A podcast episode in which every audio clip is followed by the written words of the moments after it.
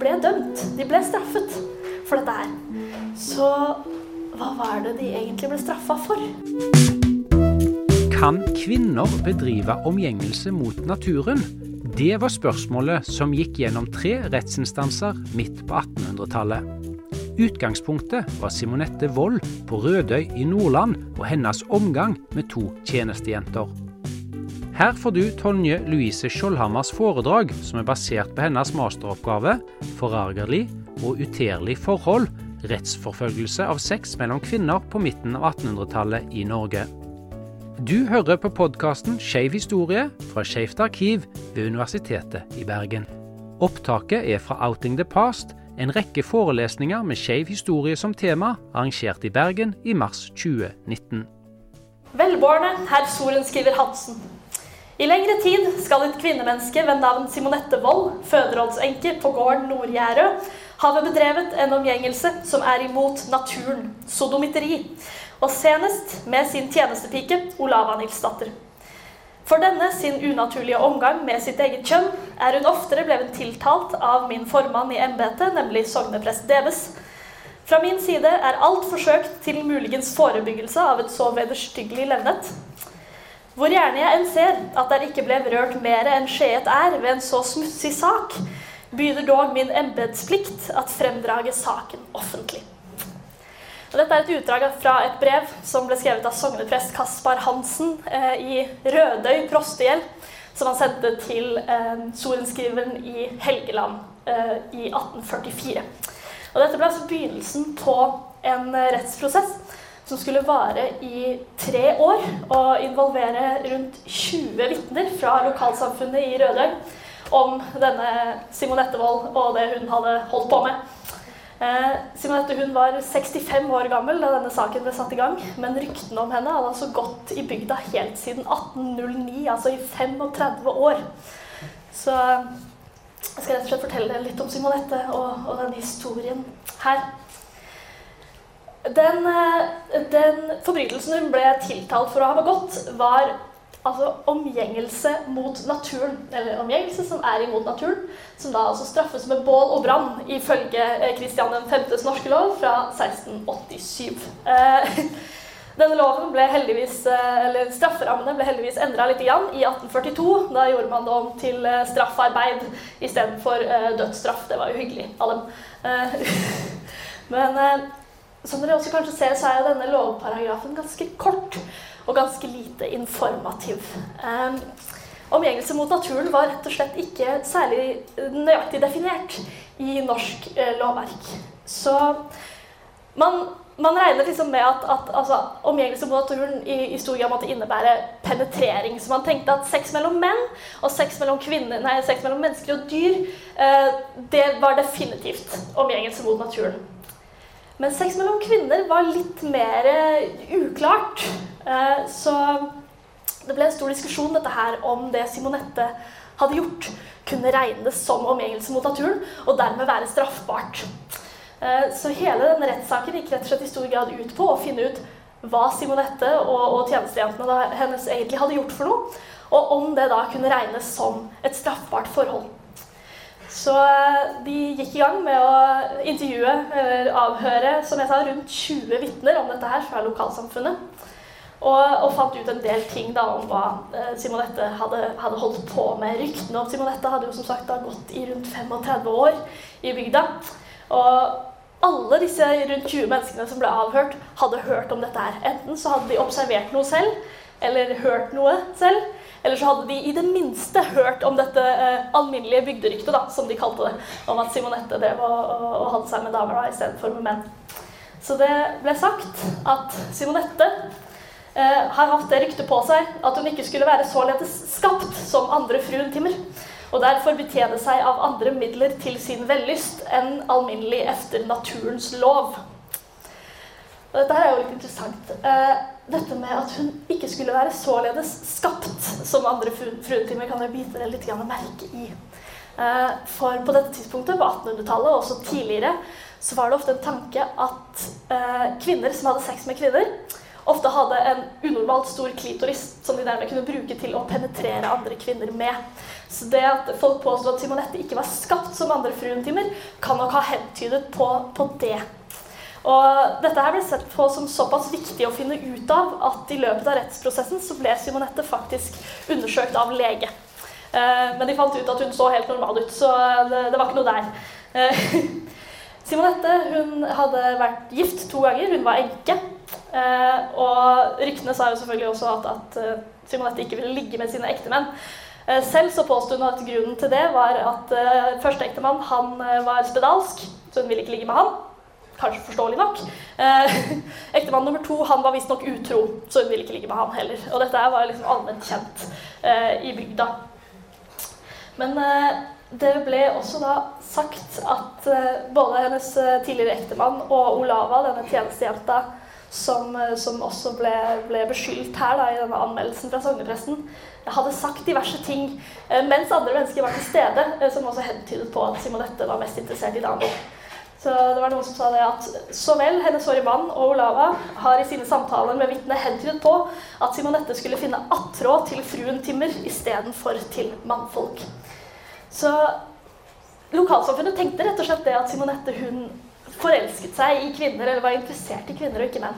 Så dette her handla ikke nødvendigvis bare om seksuelle handlinger heller, men også faktisk om at folk tenkte at, at Simonette var, var, faktisk lesbisk, selv om man ikke brukte det begrepet på dette tidspunktet. Så, så har jeg hvert fall inntrykk av at bygdefolket hadde en sånn tanke om at Simonette faktisk hadde noen eh, man skal si sånn kjærlighetsfølelser da, rettet mot kvinner, og ikke bare at hun drev med noen litt sånn iffy seksuelle ting. Eh, og i løpet av eh, Nei, nå skal vi se, nå hopper jeg over et punkt. Yes. Eh, og det ting som tyder på at folk var ikke så veldig opptatt av å skjule dette her heller. altså Ryktene hadde flydd lenge, og både Olava og mannen hennes hadde tydeligvis snakka høyt om dette her, mens andre mennesker kunne høre det.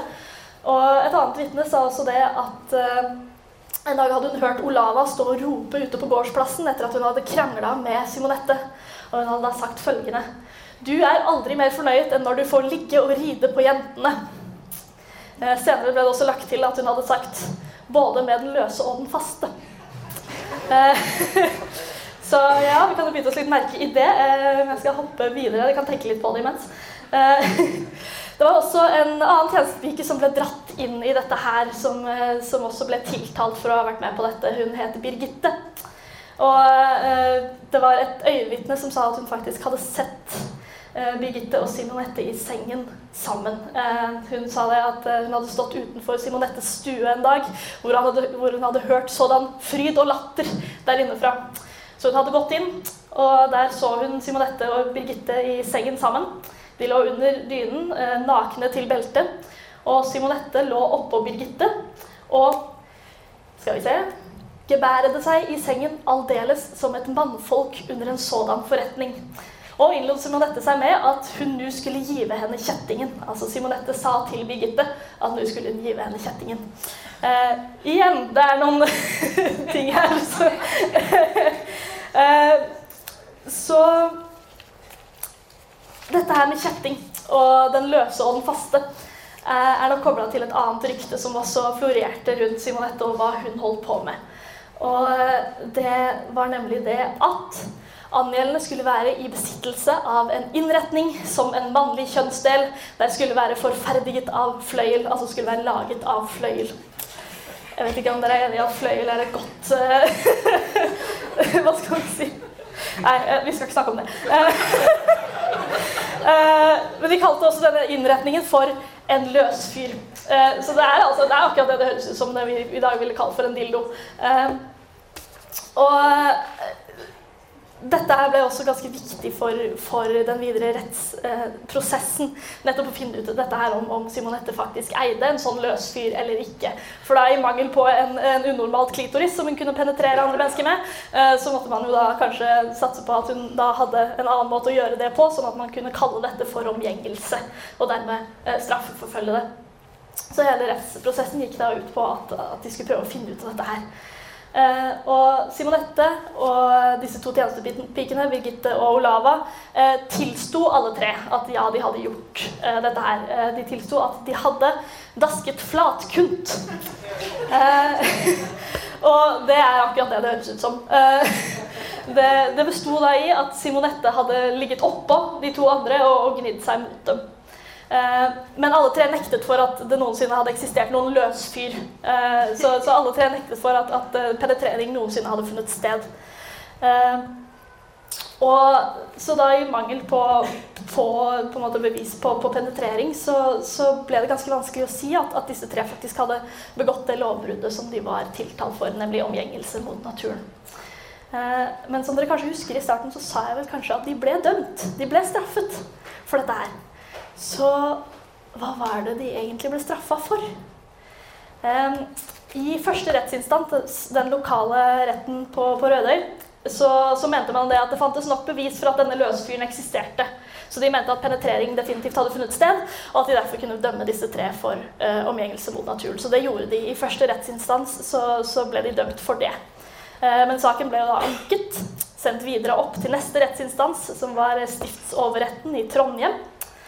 Uh, og der mente de det motsatte, nemlig at det ikke fantes nok bevis for at denne løsfyren eksisterte. Og de valgte derfor å frikjenne alle tre. Men dessverre for dem så ble da saken anket igjen og endte opp i Høyesterett. Og um, i Høyesterett så ble det altså diskutert mye opp og ned, dette her. Og det ble sagt diverse ting om dette å daske flatkunt, og om det kunne kalles omgjengelse. Og en av dommerne uh, uttalte følgende Kvinnfolk kunne blott berøre og gnide hinanden utuktigen. Der blir vel ei spørgesmål om legemlig omgjengelse, vel om noen omgjengelse. Og det har en stor indre usannsynlighet at Kristian 5. skulle havet ville sådan kåte og vellystige friksjoner, straffet med bål og brann. Det er nok altfor mange kåte unge fruentimer der efter denne fortolkning av loven skulle være brente. Uh, igjen her også er det mange ting som jeg dessverre ikke har tid til å snakke om. Uh, men så, så, igjen, her var det bred enighet om at det, enighet om at det å daske flatkunst, det var ikke nok. Det kunne ikke kalles for omgjengelse. Uh, men eh, de vurderte det likevel sånn at dette her, var såpass alvorlig at det likevel måtte straffes. Og den samme dommeren sa altså dette, at en sådan utelighet som de angjeldende har bedrevet, og som har vakt skandal vidt og bredt i bygdene, det kan ikke gå ustraffet. Så i mangel på et lov, lovbud å faktisk straffe dem etter eller dømme dem for, så eh, gjorde de noe som faktisk var relativt vanlig Eh, på 1800-tallet og tidligere, nemlig å finne på et eget lovbrudd. Eh, det høres kanskje litt rart ut i dag. Man skal jo liksom dømme, ikke straffes uten etter dom og dømmes uten etter lov og sånne ting. Eh, på 1800-tallet så var de ikke så nøye på det. Man mente det at hvis man helt tydelig hadde begått noe som burde være kriminelt, så kunne man lage et eget lovbud som, som kanskje lignet på et som allerede sto i loven, men som ikke helt matchet med det lovbruddet som, eller den kriminelle handlingen som faktisk var begått. Så det man gjorde, var at man lagde et eget lovbrudd som man da kunne straffe dem etter. Så det de ble straffet for, nå kommer vi helt rundt til starten her, var forargelig uteligt forhold. Eh, så det betyr rett og slett bare altså, usømmelig oppførsel. Eh, enkelt og greit. De ble rett og slett dømt og straffet for å ha, ha gjort noe som, som var litt, litt, eh, sånn seksuelt ugreit. og Simonette hun ble, var jo den som hadde gjort mest av disse tre. Altså absolutt den mest aktive parten. Så hun ble dømt til ett års straffearbeid på tukthus. Eh, mens de to andre kun ble dømt til 15 dagers fengsel på vann og brød. Så de slapp jo ganske billig unna da i forhold. Og eh, Simonette hun var jo ganske voksen da, da hun ble tiltalt og denne rettssaken ble satt i gang. Og hun satt altså på tukthus fra 1848 til 1849, fra hun var 60 til hun ble 70 år gammel. Og dro hjem igjen etterpå. Bodde resten av livet sitt på gården Nord-Gjerøy på Rødøy. Og levde faktisk der helt fram til 1873. Hun ble 94 år gammel. Og denne saken her eh, kan nok til en viss grad ha påvirket senere eh, rettspraksis. Det at man avgjorde at, at, sex mellom kvinner, i hvert fall i mangel på penetrering, da faktisk ikke kunne regnes som omgjengelse mot naturen, ble ganske viktig for, for senere eh, rettspraksis. Så Noen år senere så var det en, en, lignende rettssak som skjedde i 1854, hvor to kvinner ble frikjent for det, for det samme lovbruddet. Eh, så, og senere, da i 1889, så ble faktisk lov, eh, loven endret. Man gjorde sånn at kvinner ble tatt aktivt ut av loven. Og det var kun sex mellom menn og sex mellom kvinner og dyr som eh, fremdeles var ulovlig. Og den loven ble jo faktisk stående helt fram til 1972. Så damer slapp ganske billig unna mye tidligere.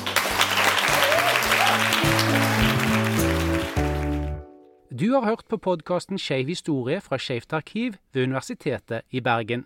Husk å abonnere for å få med deg alle episodene.